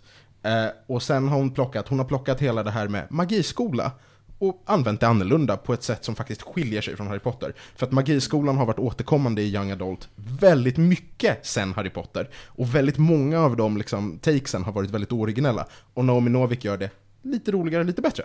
Men du sa ändå att du var skeptisk mot det här. Jag är skeptisk för att det är en trilogi och det är inte en perfekt bok. Ehm, problemet med den är att du har, du har en helt klart osympatisk huvudkaraktär, och det är meningen. Huvudkaraktären är född för att vara förstöraren. Det är liksom Galadriel som hon heter, eller L, är, har en enorm talang i destruktiv magi och hatar allt som har med den här världen som hon har tvingats på att göra. Så att hon är liksom, hon är motvilligt där. Eh, och sen har du egentligen jättemånga intressanta karaktärer runt henne som man inte kan ta sig tiden att upptäcka mer för att det är hennes interna monolog som leder boken. Så att vi sitter och väntar på att hon i bok två eller tre kanske ska bli lite mer intressant själv så att man äntligen kan få se mer av omvärlden. Mm. Men det blir inte så. Det vet jag inte. Jaha, bok, det är bara två, en- bok två kommer ut nästa år. Ah, jag förstår. Eller nu senare i år, till och med. Eh, så att bok ett är ute. Den är kul, det är intressant. Det, det är verkligen, konceptet är, det är en magiskola som alla de här magiskt eh, talangfulla ynglingarna måste ta sig igenom. Och det är för att i den här världen, om man är en ung magiker så lockar man till sig basically en massa demoner och varelser som bara vill suga ut ens inälvor och ens magiska kraft med en. Och då bestämmer sig alla magikerna för att vi skapar en skola i ett vakuum och så stänger vi in dem där och så blir det åtminstone en något försvarbar situation. Och så ska du vara där i några år och bara hoppas på att du överlever. And that's it. Så, så vad du säger att det är fortfarande bra, men det är inte mätbart bra med, jämfört med liksom His Majesty's Dragon? Nej, det är det ju inte. Det här är ju inte det bästa hon har gjort. Inte än. För trilogin, vi, vi vet liksom inte hur det här kommer utvecklas. Ehm, men den finns. Och den är intressant i alla fall. Så det vill jag påpeka. Att den, den är värd att läsa. Kanske bara inte än. Man kanske ska vänta på att trilogin ska komma ut. Hon producerar böcker snabbt, det är korta böcker. Den är nog klar om ett par år. Eh, Men intressant är den. Och allt annat som Novi Novik rör, Naomi Novik rör blir till guld. Så att det är liksom... Eh, Jag såg att du löste upp lite Ronja. Har du, har du läst Temeraire? Ja, eller jag har inte läst hela bokserien. Mm. Jag läste de två första, sen hade jag jättesvårt att få tag på den tredje och typ sluta. Mm. Det finns, på, på Kindle finns det en samling med de första sex böckerna i en enda tome. Ja, Eh, det är en slog. jag får typ skaffa en Kindle. Ja. Vill du ge någonting, några gäddor eller någonting? Alltså Spinning Silver är en självklar nia. Åh fan. Uh, Deadly Education kommer inte få ett betyg av mig. Och, mm, I sådana fall så, jag vill egentligen göra en segment här, för, eller en segway, för det finns en väldigt fin segway här. men jag har en till bok. Ja, då får du prata om den först. Brandon Sanderson släppte bok fyra i Stormlight i höstas. Någon som har hört om Brandon Sanderson? Jag Du, tror jag, du har pratat om den. Eller hur? Mm, du, har har nämnt om, honom. du har nämnt Stormlight också, men jag kommer inte ihåg vad det är. Han är det känd- låter som Percy Jackson. Ja, ah, nej. Jo, bara Sto- Stormlight, Stormlight är eh, långa koreanska utomjordingar på en planet full av krabbor. Det här var om, vänta. omvänd District 9. Vänta, vänta. Långa koreanska utomjordingar. Så de är inte utomjordingar. Jo, Men de var koreanska. jo, För utomjordingar, då är de ju inte från jorden. nej. Så hur är de då Eller är det att de är koreanska utomjordingar som är att de landade i Korea? Och sen Nej. hoppa vidare. Ja och nej. Eller menar du att, eller Det menar att vi är på en, eller Ska du menar, berätta vad det är? menar du att vi är på en annan planet där... Nej, utan, utan huvudkulturen vi följer, människorna vi följer, är väldigt inspirerade av österländsk kultur. Brandon Sanderson missionärade för mormonerna i Korea, så han älskar österländsk kultur. Ehm, men på planeten de är, är de utomjordingar. Det här är en major spoiler, men det är bara för att ni ligger på. Ehm, Du, du uttryckte det ju så mystiskt som du bara kunde. Så Exakt, inte du får jag skulle inte säga mystiskt, jag skulle säga hattigt. ja, det är hattigt. Det är hattigt. Men det är också för att jag försökte sammanfatta fyra och ett halvt tusen sidor fantasy på en mening. Ja, rimligt. Ja, jag beskyller inte för, för det. Okej, Brandon Sanderson är mästare på magisystem. Han, är, eh, han undervisar i språk och, och liksom skrivande. Och han har till och med formulerade regler för hur man gör fina balanserade magisystem i fantasy. Och Stormlight Archive är hans magnum opus. Det är planerat att bli tio böcker. Och han producerar böcker som bara blir större för varje gång. Jag tror den här, jag tror fyran var en bra bit över tusen sidor. Han kommer liksom snart börja behöva binda dem i ett par. Är stora böcker. stora böcker, och han producerar dem på en takt med typ vartannat år. Hjälp. Eh, ja, He's fan Stephen starkt. King of fantasy. he is the Stephen King of fantasy. Han är, jag tror han är typ så här. I, i takt per hur många produktiva sidor Mm. så är han andra eller tredje bland kontemporära författare efter Stephen King. Det finns liksom inte många som producerar så mycket varje Och på år. andra plats ligger Jan Guillou. Jan. Guillou kan liksom snyta sig och så kommer det en ny bok. Och, Ja. och längst ner så har vi George R. R. Martin. Tack. Ja. Mm. Nej men i alla fall, det jag ville säga är att vill man ha ett riktigt, riktigt djupt, välgjort universum med riktigt bra karaktärer att dyka ner i, så är Stormlight Archive helt perfekt exempel. Och nu finns det fyra enorma böcker att läsa för att han släppte det nya nyligen. Men nu har du spoilat fyra enorma böcker. Inte så mycket. Det finns fortfarande. Jag lovar att det finns kul grejer. Du får väl säga att det finns koreanska utomjordingar. Det känns inte som det värsta i världen att erkänna. Nej, nej, utan, utan det, det händer så mycket mer än bara koreanska utomjordingar. Om koreanska utomjordingar hade varit den största spoilern så hade jag inte varit så taggad på att läsa bokserien. Ja, nej exakt. Koreanska utomjordingar är inte den största spoilern. Och det som är så bra med de här är också att de läs... Ja, vad heter han? De som läser dem. Jag tror, om man vill lyssna på dem så är, Läsare heter de som läser dem. Du är så jävla rolig. Ja, jag är ju det. Eh. de, de, de kallas uppläsare faktiskt tror jag. Ja, uppläsare... Christer Henriksson. ehm, nej, men det vad heter det? De som läser upp hans böcker Mm. är Michael Kramer och Kate Reading. Ja, Som är typ de bästa fantasyuppläsarna, punkt. Och de är ett gift par och läser upp tillsammans. Och det blir så Ah, bra synergy. gulligt. Ja, det är så Ja. himla gulligt. B- bara en jättesnabb side-note apropå uppläsare. Jag rekommenderar dig att ge Harry Potter-serien en chans med Stephen Fry som uppläsare. Allt är bra med Stephen Fry som uppläsare. My, my point Ja, exactly. precis. His point exactly. det, det är liksom... J.K. Rowlings halvsjaskiga dialogskrivande blir bättre när det är Stephen Fry som gör det. Ja, men jag är också så här, jag är också så här, hade Stephen Fry läst upp ett lexikon hade jag satt det före på Ja. listan. För, eh, det, det bästa exemplet är ju att om, om du tänker Umbridge i, film, i Ja. filmen. Stephen Fry gör henne mer hatbar. Jag kan tänka mig det. Jag kan tänka Det, mig det det. är... Ja. Poängen, poängen i alla fall, Brandon Sandersons eh, Stormlight Archive är både skitkul att läsa och skitkul att lyssna på. Och det är verkligen alltså, ett års värt av material. Eh, och han släpper bara mer. Starkt rekommenderat. Hilfe. Har jag pratat om rättstvisten gällande eh, Omegaverse Ja, det har du gjort. Oh här? Ja, det har du gjort. I Ja. radio har du pratat om Vi hade rättvisa. segment av Julia berättar om konstiga saker. Ja. Det var ju dagen efter du hade lärt mig vad Omegaverse var. ja. Okej, vad bra. Då har jag nämnt det. Tack så mycket för boktipsen Buttran. Tack. Vi ska gå vidare och nu får jag min fina segway här. Att du pratade ju om... Ma- eh, My Little Pony. ja, exakt! Så att du har ju spelat Friendship with Benefits 2. Nej, inte alls. Groundhog Day, men värre. Nej, utan du pratade om eh, någon som har skrivit saker som blir till guld och sen så skriver de saker som inte riktigt är färdiga och det gör att man är lite skeptisk mot det. Yes. Och därför vill jag gå vidare till att Johan ska få prata om Deltarune. Yes. Som alltså är eh, uppföljaren till eh, kritikerrosade Undertale av Toby Fox. Eh, som, Ja, Deltarune är också ett anagram. För Undertale, stämmer helt klart. Eh, och då har han bara släppt första kapitlet av det, eh, helt gratis. Det finns på, tror alla plattformar, tror jag. Där Undertale finns i alla fall. Eh, Jag får det på min Ouija. precis. Kan ni få en Doom? Du kan få Doom på en Ouija. Eller Oja eller vad Ja, den heter. Ouija. Mm. Mm. Man kan spela Doom på graviditetstest. Yeah. Tack för den informationen Panos. Nej, men så Deltarune är, som man eh, får veta då, egentligen är, men, inte riktigt en uppföljare, men det är, en, är gjord för de som har spelat Undertale. Eh, vilket man märker ganska tydligt när, direkt som man sätter igång, eh, spelar en karaktär som är otroligt lik den som man spelar i eh, eh, första, i Undertale då. Eh, och utan att spoila för mycket därifrån, eh, så heter den karaktären som man spelar här, heter Chris. Eh, och eh, första karaktären man träffar är basically första karaktären man träffar i Undertale också. Eh, Flowey. inte Flowey, Toriel. ja. Ja. Och har också samma namn. Eh, och det visar sig att det här, eh, den här världen som man spelar i här är uppbyggd av alla karaktärer egentligen från Undertale. Eh, fast som typ i en vanlig stad. Eh, och man ska gå till skolan. Eh, så man går till skolan och känner igen alla karaktärer nästan egentligen eh, från Undertale.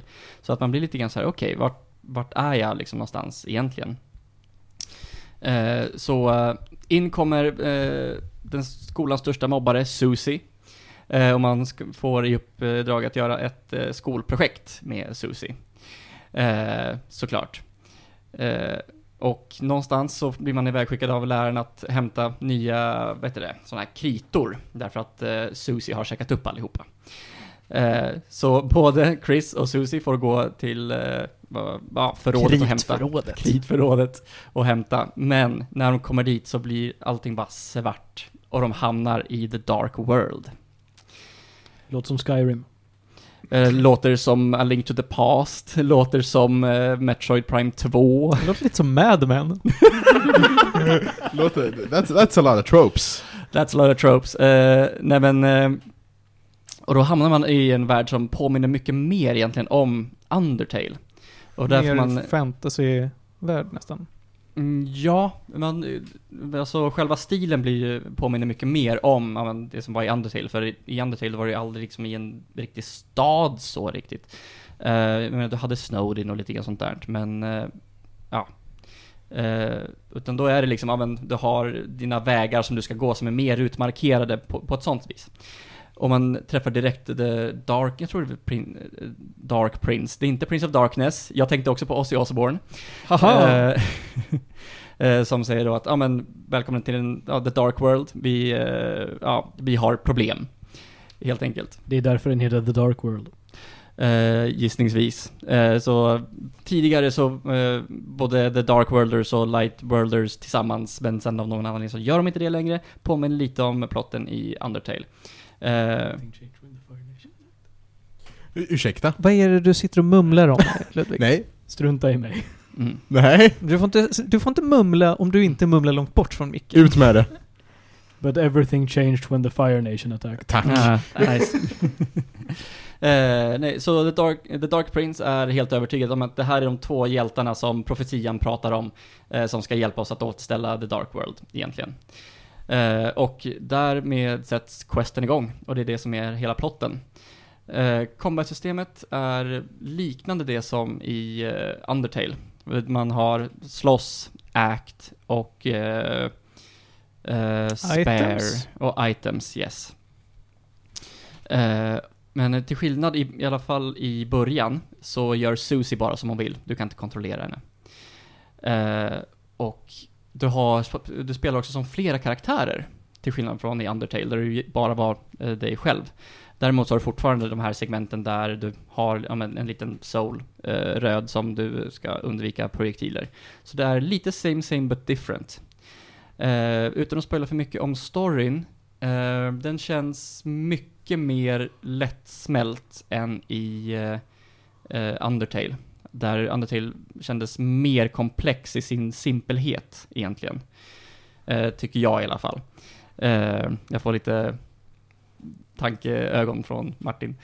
Ja, jag tänker för mig själv. Mm. Eh, men, så jag tycker att den här är ja, mycket mer lättsmält egentligen. Eh, och tänker inte så mycket liksom kring eh, ja, men, allting som händer medan Undertale hade en mycket mer av ett uh, worldbuilding egentligen, liksom med karaktärer och allt sånt där. Medan här kändes det som att det var mycket mer fokus på karaktärerna. Jag Kände aldrig att jag fick någon riktig kontakt med världen egentligen. Uh, och uh, de liksom, The Dark Prince, men han pushar liksom på att ja men vi alla ska liksom vara friendly och det, blir det blir lite tjatigt i hur vad, kom, vad konversationerna handlar om. Så det känns inte så mycket som att man tar sig framåt heller. Så att, ja, det blir lite stagnerande fram tills man kommer till eh, slutet egentligen. Eh, som jag ändå måste ge Toby Fox lite grann, att den slu- avslutades oväntat. Kapitel 1. Ja. Vet vi någonting om när kapitel 2 kommer? Jag kollade upp det nyss och då såg det inte ut i alla fall som att det fanns eh, något datum tyvärr. Men det verkar då som att eh, det inte ska bli ett Chapter 2 utan att det ska bli fullt, alltså hela fullversionen av spelet. Om jag tolkade det jag såg rätt i alla fall. Jag har en viktig fråga. Ja. Är Sans med? Ja. Bra. Alltså det finns, eh, för grejen med spelet är att man vet inte riktigt när det utspelar sig, för det verkar inte som att man spelar som samma karaktär som i Undertale heller. Så det har, jag, utan att ha kollat upp några YouTube eller googlat på det än, så är det liksom inte klart om det här har spelat, utspelat sig före eller efter, eller om det är en alternativ dimension, eller om det är något annat som är at play, eftersom alla karaktärer finns ju där. Och de pratar om alla karaktärer som, ja men, man känner igen relationerna från Undertale. Så att liksom, det är fortfarande samma förhållningssätt egentligen som, ja men, de flesta karaktärer har till varandra. Eh, så det är lite svårt på så vis. Låter väl ändå lite alternativt, i alla fall i första världen man var i. Mm. Den här skolan. Det låter som en typisk ja, alternativ alternate reality där det utspelar sig i verkliga livet istället. Ja men exakt. Så, eh, så, ja, så det är frågan om vad, ja, men vart man är egentligen i hela timestampen. Skulle jag säga.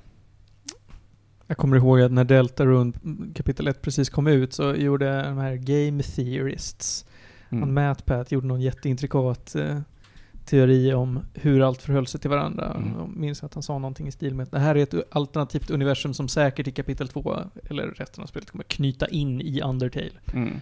För att det är inte bara ett alternativt universum. Jag vet Nej. inte, jag... Jag var inte så intresserad. Jag, som sagt, jag var ju inte världens största fan av Undertale, så att Mm. Deltarune var så här, "Ha, ja ja, då blir det väl eh, here we go again liksom. Mm. Men det, det har inte blivit lika stort. Nej, det är... eh, man får inte alls samma feeling för Deltarune, Nej. tycker jag, som man får av Undertale. För att Undertale har ju ändå väldigt precis i början två ganska stora, eh, ja men bara wow-moment egentligen. Eh, här finns inget sånt fram till slutet. Då fick jag en liten wow. Eh, och blev ja, men, egentligen taggad på att ja, men, se vart är vi på väg egentligen. Eh, men själva Chapter 1, ja, alltså, jag blev underhållen men inte så mycket mer. Hur långt var det? Längre än vad jag trodde kan det ha varit. Jag satt ändå en tre, fyra kvällar med det så att, ja, uppe i åtta timmar. ja, någonstans där tror jag. Oj, det är långt.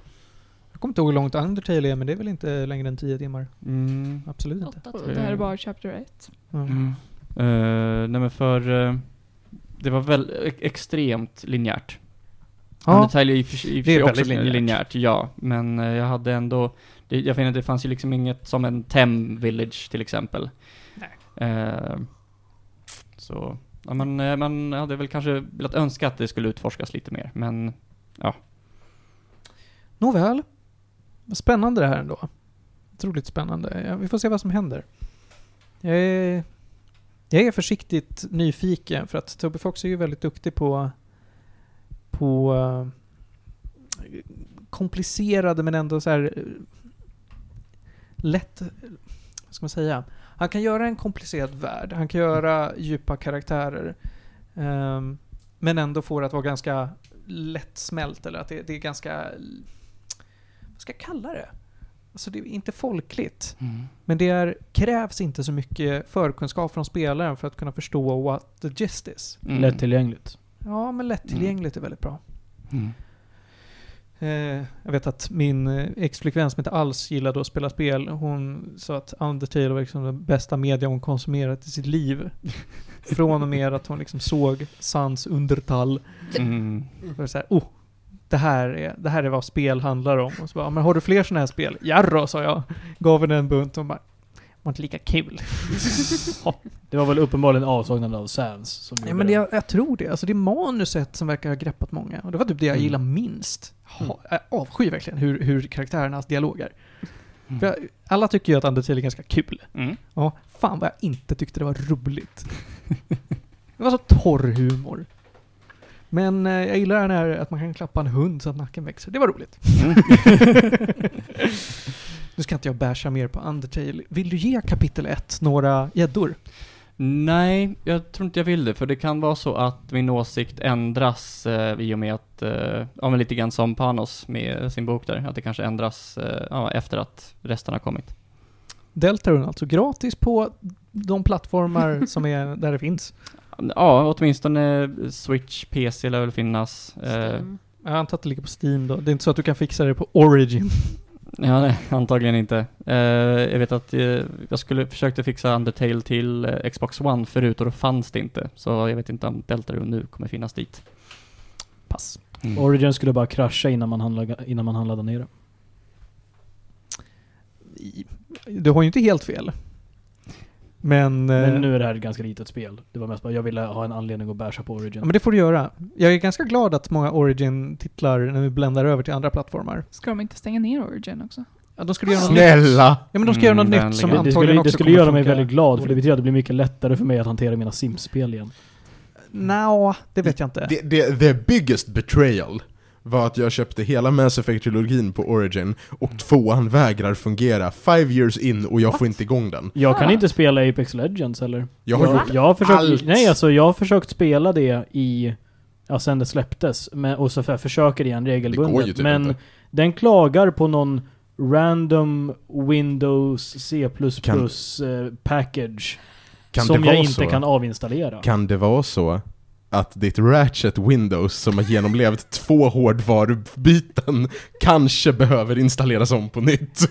Eh, nej, därför att det är faktiskt inte bara jag som har det här problemet. Det är ganska vanligt Det är problem. sant. Det är Det är ett vanligt alltså- problem, det är bara det att jag är den enda som inte kan följa, som där instruktionerna man får för lösningen bara inte funkar för mig. Jag behövde manual exportera, alltså manuellt exportera min save från Mass Effect 1 till Mass Effect 2 på Steam och sen importera tillbaka den från Mass Effect 2 på Steam till Mass Effect 3 på Origin för att kunna spela trilogin kontinuerligt och jag är så arg. Jag förstår vad du menar. Alltså jag, jag har lite det problemet, jag har haft det problemet med Apex Legends. Att så här, gud vad det ibland bara inte vill funka av outgrundliga anledningar. Mm. Apex är så jävla dåligt programmerat. Ja, det är fruktansvärt. Det är hela Origin-plattformen är så dåligt optimerad. Men eh, jag tror jag främst har haft problem med eh, Star Wars The Old Republic. Oh boy. Mm. Det är, finns ingen logik för när det funkar och inte funkar. Uh, ja, Apex Legends hade lite problem nyligen. De har alltid problem, men uh, nyligen så höll de på med, de vill fixa så här, uh, censurering och grejer. Åh, vadå? Folks av, eh, namn? Folk som chattar, Ja. så att man inte kan skriva saker. Ja. Eh, det som hände var att eh, random grupper fick det meddelandet istället. Som någon hade skickat ut. som någon hade skrivit inom sin uh, trio. Så istället för att censurera så blev det bara randomly massutskick? Då Ja. istället. Ja men det är bra. Jag bara, you there! Spread the toxicity. Det är bra. Oh, yikes. Det är massa roliga grejer. Alltså jag blir så arg. Varför, varför ska de ha så jävla stora skalor när de inte kan hantera att göra liksom, spel på så här stora skalor? Alltså vissa grejer gör de ju hur fint som helst. Som Ja. typ slide-mekaniken och vissa grejer. Men eh, Ja, ja men alltså det är ju inte fel på spelet i sig. ja. Det är allting runt om där det inte funkar. Alltså för de som sätter sig och bara bra, jag ska designa core-spelmekanik. Mm. Då behöver jag i, i teorin då inte tänka på vad du borta i i eh, plattformsoptimering och ska se till att mina servrar funkar. Jag behöver inte tänka på det. Men allt ska samspela, då bara kan inte EA alls. Ja, men det är kostymnissar rent generellt. Ja, Men det, kan, Mm. alltså det är de som tar valen, men jag tror att det är så jävla dålig kommunikation mellan olika teams. Ja, Mm. det är det säkert. Men jag menar, det kommer ju bli eh, makeshift-lösningar om du har, inte har så mycket tid på dig att eh, fixa till allting ordentligt. Ja, det är kostymnissars fel. Ja. Det- Alltså det, det är ett helt branschproblem. Jag vet att vi Mm. pra, jag tror Panos var med när vi pratade om det här om dagen att spel i synnerhet är så, och, och eh, vad heter det, operativsystem är så stora och dåligt optimerade därför att det är en Alltså man vill inte göra långsiktiga investeringar som får, alltså, så att de får avkastning efter lång tid. Mm. Just du, du kan inte låta en produkt vara in development för, för länge för att ingen som vill investera när Mm. avkastningen kommer så långt fram. Men det är, väl, det är Mm. väl det här Microsoft äntligen försöker göra med Windows 10. Mm. Tanken är att man inte ska behöva byta operativsystem kommande 10 år. Mm. Absolut. Det, det, är det. Får se hur länge det håller. Ja, precis. Ja. Ja. men vi får se hur länge det håller, därför att det är, det är en sån konstig utopi som jag tror inte ligger i tiden för hur utveckling, alltså mjukvaruutveckling går. Jag vet inte, Ronja, du är ju lite inne på det här spåret med hur du utbildar dig. Ja, kan man Och- säga. Ja, precis. Ja, men snart kommer du skriva ett exjobb och, och skaffa ett jobb inom det här. Då kommer du antagligen first hand få se att oj, nu kommer någon ha bara, någon kommer dumpa en massa kod då Mm. i knät på dig som är liksom gjord med, med eh, duct tape till ja, slut. det kommer säkert vara. Och så kommer någon säga bra, laga det här. Nej, det var Ted vi pratade om det här med. Då kommer Ja. någon säga laga det här, vi ska lansera det här om typ en vecka. Och oavsett om det är klart eller inte. Och Mm. du bara, men den kan inte bli det. Och de bara, ja, synd, folk kommer köpa den då. För att man vill ha avkastning på, Mm. på sina investeringar. Mm. Alla cyber, cyberpunk. Ja, absolut. Men, eh, visst är det så. Eh, de hade ju behövt... Jag tror att Cyberpunk hade behövt vara ett mindre spel dock. För de har haft ganska lång tid på sig och haft väldigt mycket budget. Men skalan, att transitiona från, från eh, att göra liksom Witcher-spel till att oj, nu har vi så här många projekt vi ska göra och dessutom göra något helt nytt som vi inte riktigt har koll på. Mm. Till Men- Next Gen också. Ja, verkligen. Men Fast det är inte Next Gen som har varit problemet, utan det är ju egentligen Pre-Gen ja. som har Ja. varit problemet. Ja, det är ju inte PS5 som har haft problem, det är ju PS4. Mm. ja, Och- som har haft De, optimeringsproblem. de Ja. lovade lite för mycket när de sa att ja, ja, det här ska absolut funka till både New Gen och Last Gen och Mm. PC samtidigt. Nej, men det, alltså optimeringsproblem i all ära, men där, det finns ju så mycket som har lidit på grund av det, alltså i basspelet. Mm. Spelet som säger så här, ja men det är, finns mycket core features man kan förvänta sig som inte finns, för att de inte har haft tid att jobba på det. För att, åh, men vi hinner inte göra klart allting på development-sidan, för att vi måste sitta och optimera till tusen plattformar.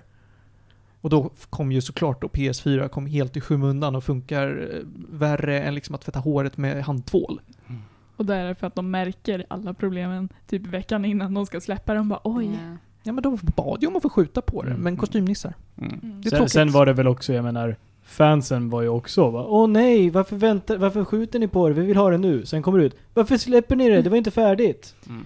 Det blir ju lite Mm. också så här. Men jag, jag Men det, det här är för att kunden alltid har fel. Mm. Ja. Jo, jo. Ja, ja, visst är det så. Men, men just i det här fallet tyckte jag det var så kul just att, ja, först, först, först så säger de, ja vi, ska, vi kommer vänta tills vi eh, känner oss mer färdiga och folk bara bu Varför arbetar ni på ert spel för? Sen släpper de ett ofärdigt spel. Bu Varför arbetar ni inte på spelet för?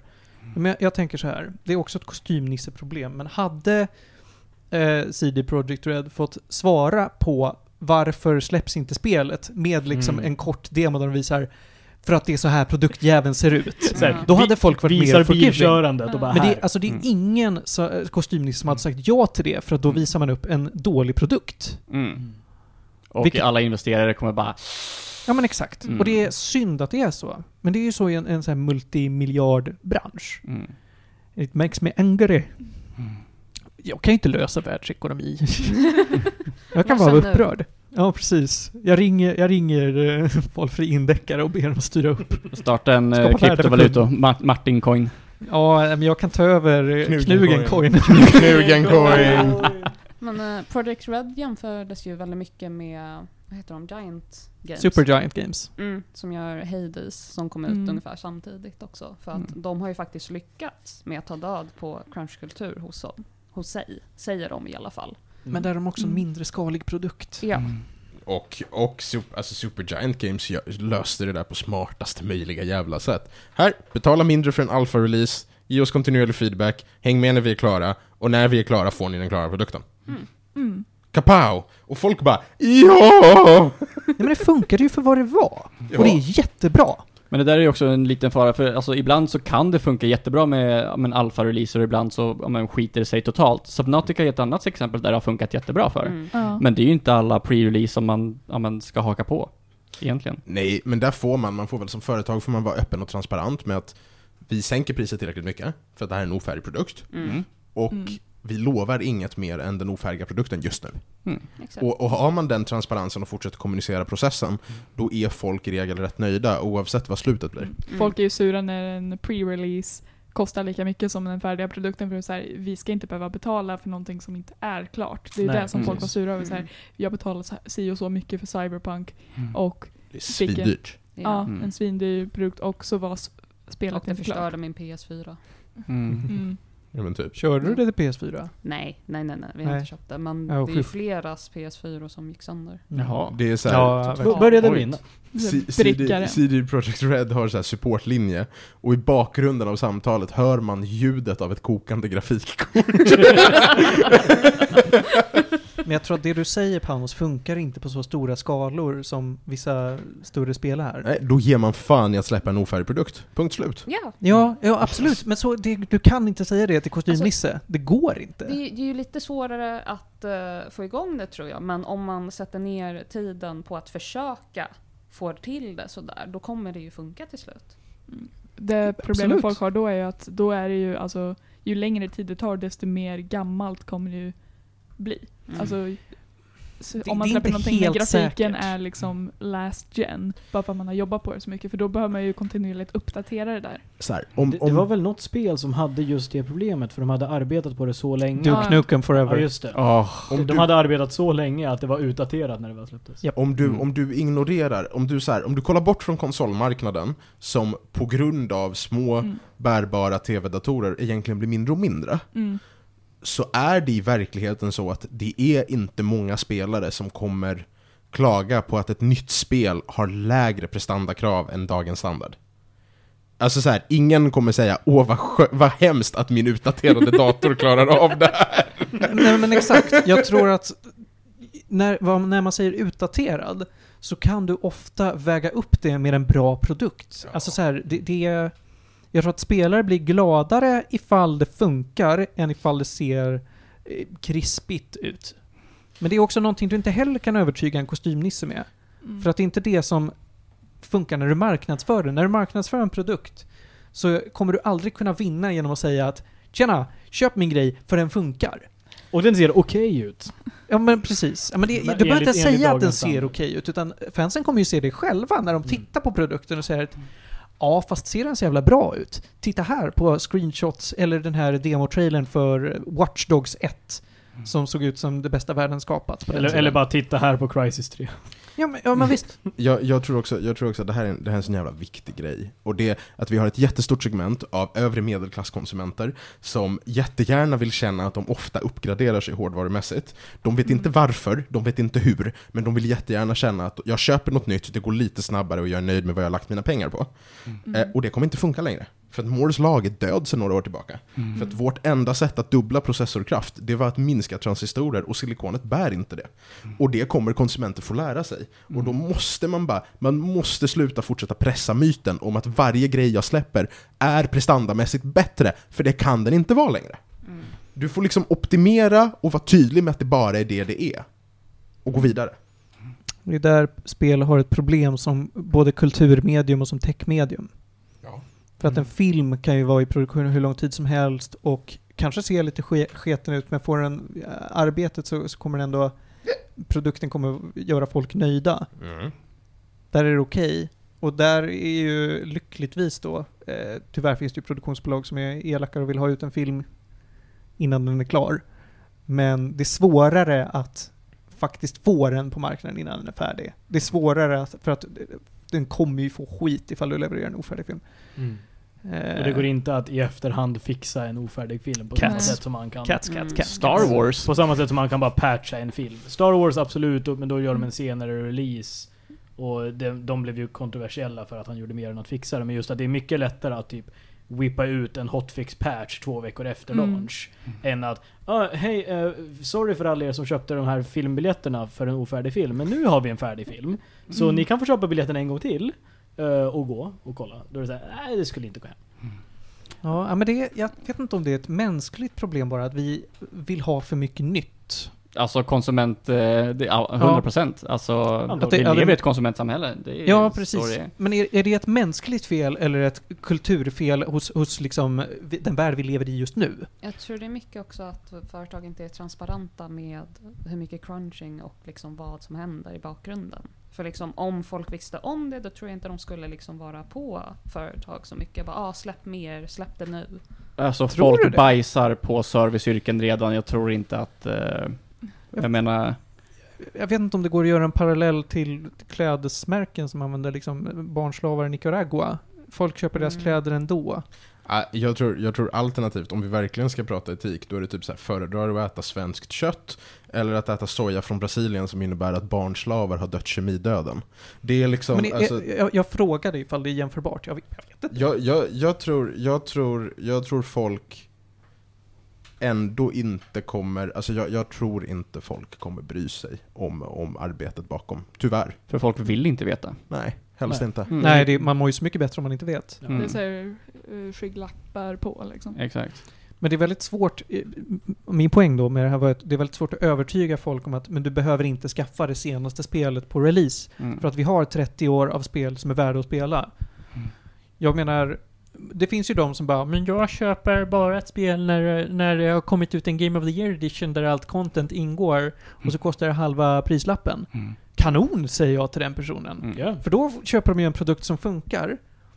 Men de, det hade aldrig gått för den produkten att släppas. I, om inte folk hade köpt det på release och gett då avkastning till investerare. Mm. Mm. Då hade inte produktionspengarna funnits. Så det är, det är liksom en lite negativ cirk, spiral. Det blir ett moment 22 lite. Ja men det blir Mm. lite det. Men där vinnarna är ju de som väntar egentligen. Mm. Mm. Men för att det ska finnas vinnare så måste det finnas förlorare. Säg det till jäveln som har köpt Skyrim tio gånger. Ja men han är inte den personen är inte en Todd, Todd vinnare. Howard behöver släppa Skyrim 11th edition. Så bara skita i att kalla det något speciellt. Bara, ah, här, vi vet att ni vill ha Skyrim en gång till. Det här är elfte versionen. Mm. Den här gången, den här gången på ett graviditetstest. eller, eller, eller, eller bara Bethesda generellt, bara släppa en ofärdig produkt och sen så låta alla moddare fixa till det. Ja. Är bara, har bara CD. Projekt Red, eh, men har, nu har bara, ja, Skyrim också, eh, eller Elder Scrolls. Men nu har ju CD Projekt, Projekt Red inte den lyxen att de har släppt en jäkla massa spel där, ja men alla redan känner till eh, ja, men The Engine så att man kan modda snabbt och enkelt och se till att, ja men lappa Mm. alla de här grejerna.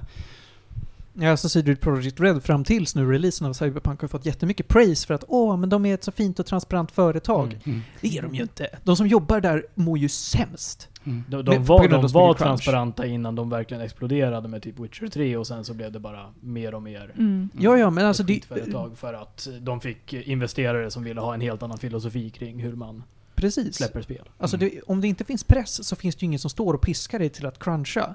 Det är ju också det, det är det som är så fult, att Witcher 3 är ju deras sannoliken riktigt bra första spel. Alltså det, det är det Mm. första spelet de gjorde som är fantastiskt. Mm. Witcher Ja. 1 och 2, kul. Witcher 3, wow. Men det är för att det ligger press bakom. Och då är det också lite kul att om man tänker tillbaka, Witcher 3 var också buggigt. Som fan. När det släpptes. Witcher Ja, 3 är fortfarande buggigt. Ja, det är och det är fortfarande fortfarande, ganska buggigt, men liksom nu, det har, det har gått lite tid och folk och nu säger folk ja men det är ett perfekt spel och glömmer på något sätt lite bort att nej men det här var ju inte heller ett perfekt spel. Det var ju inte heller, det var ju också buggigt när det släpptes.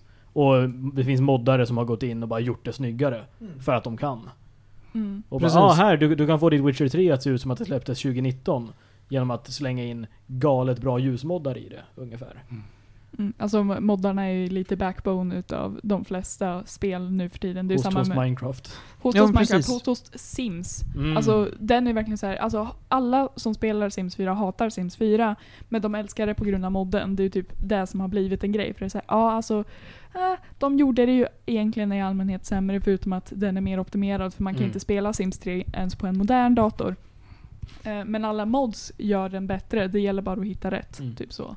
Även för Sims 3 så finns det specifika moddar som också bara fixar dålig, dålig ba- ba- alltså backend-programmering. Ja. Typ att det finns en mod som bara röjer igenom hela staden regelbundet och tar bort döda objekt, för det gör inte spelet själv. Det är därför Mm. som Sims 3 suger på många sätt. Så installerar man den modden så kör spelet så mycket bättre. För att den faktiskt bara röjer bort döda objekt som bara tar upp processorkraft. Men det är inte det... Alltså, det är så här, Programmerare får inte betalt för att laga någonting. Nej. De får väl betalt för att skapa någonting nytt. Inte i gaming kanske. Det, mm, det, jag tror att folk vill... Eh, ja, jag- förstår vad du menar. Alltså, Mm. mill, mill of the run produktionsprogrammering handlar ju aldrig om hållbara lösningar. Nej. Mm. Det är liksom, de två största marknaderna är väl typ så här gaming och webbsidor. Mm. Mm. Mm, spagettikod. Ja men precis, du som Mm, programmerare copy-paste. vill väl antagligen, du ser ju att din kod är trasig. Mm. Men du får ju, alltså det är så här. Det är inte det som din arbetsgivare säger åt dig att göra, utan din arbetsgivare säger åt dig att det här ska du jobba på nu. Ja men den här produkten som vi släppte som inte är färdig, nej, det här ska du jobba på nu. Och det är tråkigt. Nu, nu har vi dragit över jättemycket. Och Ronja, du måste gå för du har en flickvän att eh, tillfredsställa. Och pizza och hämta. Pizza att hämta? Ja, Varför har du, har du beställt pizza nu? det är lördag och, de, och Pizza Hut har 50% då. Fuck yeah. Pizza Hut är ju äckligt. Pizza Hut är ju också bara Pizza Hut Vi är inte 50%. sponsrade av Pizza Hut. Pizza Hut är fantastiskt vid 50%. Ja, men, men det är fucking shit vid 100%. Ja, det är Mm. fan. Och det är och- och 50% Lunchbuffén. Lunchbuffén är ju fantastisk. Lunchbuffén är toppen. Lunchbuffén efter en tenta, det är... Mm. Mm, mm. Mm, mm. Eh, vi tar tre snabba och sen tackar vi för idag. Channel Zero får helt enkelt vänta till en annan gång Ronja. Yes, Jag ber om ursäkt. det är okej. Vi fastnade. Ja, ja men det var en intressant diskussion. Mm. Ja. Jag tror till och med att för de, de eh, lyssnare som tycker om sånt så, så är det intressant för dem med. Ehm, veckans tre snabba. Jag ska prata om ännu ett indiespel faktiskt, som jag har hittat på itch.io. Eh, det här är inte tre minuter långt som eh, förra avsnittet var, utan det här är lite längre, men det kanske är en halvtimme. Det är fortfarande helt gratis, du kan betala vad du vill. Eh, det heter Sacrifices Must Be Made och är ett skräckkortspel. Du spelar kort mot en person dold i mörker som basically säger åt dig vad du måste göra. Och du sitter ofta i en position där du kommer förlora. Men personen i mörkret säger att, ger dig instruktioner på hur du ska spela. Och säger att, men vet du vad? Du kan vinna om du offrar de här korten då, enligt spelets regler. Och det ligger någonting bakom det här. Det är intressant. Väl, väldigt intressant. Jag rekommenderar starkt. Mm. Sacrifices must be made. Itch.io. Sen eh, veckans band. Det här är bara ett band jag vill rekommendera i regel som Fex av alla människor. Eh, påminner mig om igår. Att säga, fan det här borde jag lyssna på er på. Dead Kennedys. Babies first punk. Ja, det är, det är punkig sång med eh, inte jättepunkiga instrument. Eh, eh, good shit. Eh, och till slut då så vill jag slå ett slag för Atlantas säsong 2, som jag har tittat på. Den är betydligt mindre humoristisk än första säsongen. Eh, den är väldigt mycket mer seriös och temat för den här säsongen är eh, instängdhet, eller att vara fångad i någonting. Eh, vilket kan göra att det är lite obehagligt. Faktiskt, på sina ställen. Vissa avsnitt är rent av obehagliga. Men det är en jävla bra serie. Ja, men den är, den är bra. Alltså jag vet inte om det, den är en jävla bra serie. Jag tycker den är bra. Det, jag, gill- jag vet inte om jag är ett jättefan av den tematiska skillnaden mellan säsong 1 och 2. Nej, det, det är De, en är- de är skillnad. bra, de är Mm. bra. Men som serie så här, oh, jag gillar consistency. Mm. Men ja, I don't know. Mm. I alla fall, Atlanta säsong 2 finns på Viaplay är det va? Ja, så är det. Eh, och med det så får vi tacka allihopa som har varit här idag och er som har lyssnat. Vill ni oss någonting så finns vi på Facebook, där heter vi Medis Radio. Följ oss på Instagram, där heter vi Medis Radio. Eh, vill ni mejla oss så gör vi det på medisradio Medisradio at gmail.com. Panos, Tack. Buttran, Tack. eh, Ludvig, Tack. Mojo Jojo. Nej, det var ju Panos som var det. Nej, du var kanske att bäst han. Jag var väl ponny, om något. Ja, men jag försöker sätta my- eh, Powerpuff Pingle namn på er kan alla. inte jag vara bubblan då?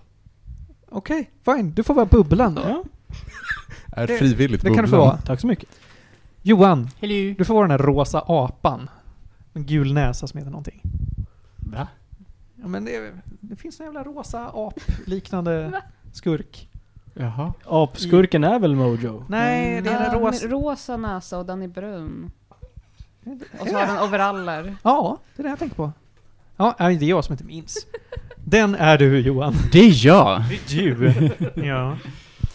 Eh, och så ska vi se, Ronja. Ja. Du är hon Powerpuff Finlands tj- tjejkompis som också var en accident. Julia, Okej. Ja, hej. du är deras katt. Tack. Och jag heter Martin och jag är Blomman, så. jag har inte sett på Powerpuff Finland på 20 år. Ge mig ett break. Nej. Jag, kan- jag kunde ju- ja okej. Vet du Det var vad? ett bra du, försök. Ronja, du får vara borgmästare istället. Tack. Jag jag är fru sekreterare. Puss och kram och nyp i stjärten.